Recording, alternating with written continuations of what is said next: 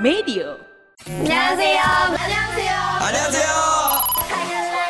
It's time Kamchagia Korea. 안녕하세요.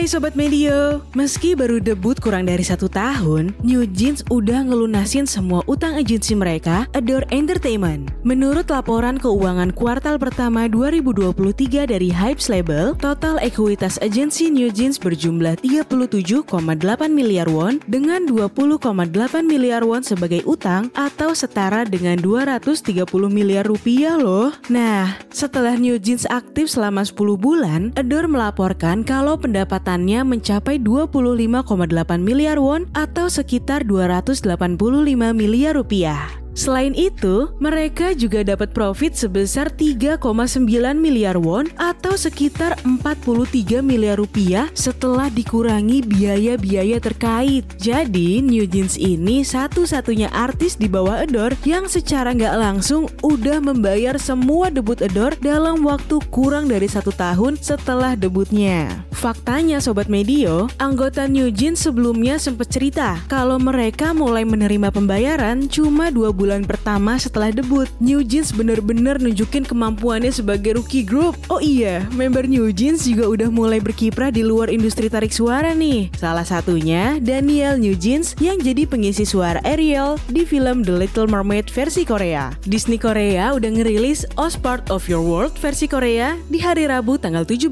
Mei kemarin. Kerennya lagi, Daniel meranin karakter utama dan ditambah dari dulu Daniel ini memang fansnya Disney nih.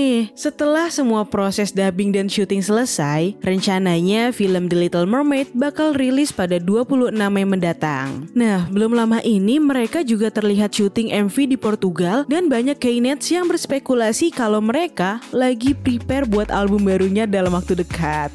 so, stay tune ya. New Jeans juga dikabarin bakal comeback pas musim panas 2023 loh. Gue Ria Ye pamit dan jangan lupa untuk nonton videonya Kamja Gia Korea What's Di YouTube Medio by KG Media. Tungguin episode selanjutnya ya. Kamsahamnida.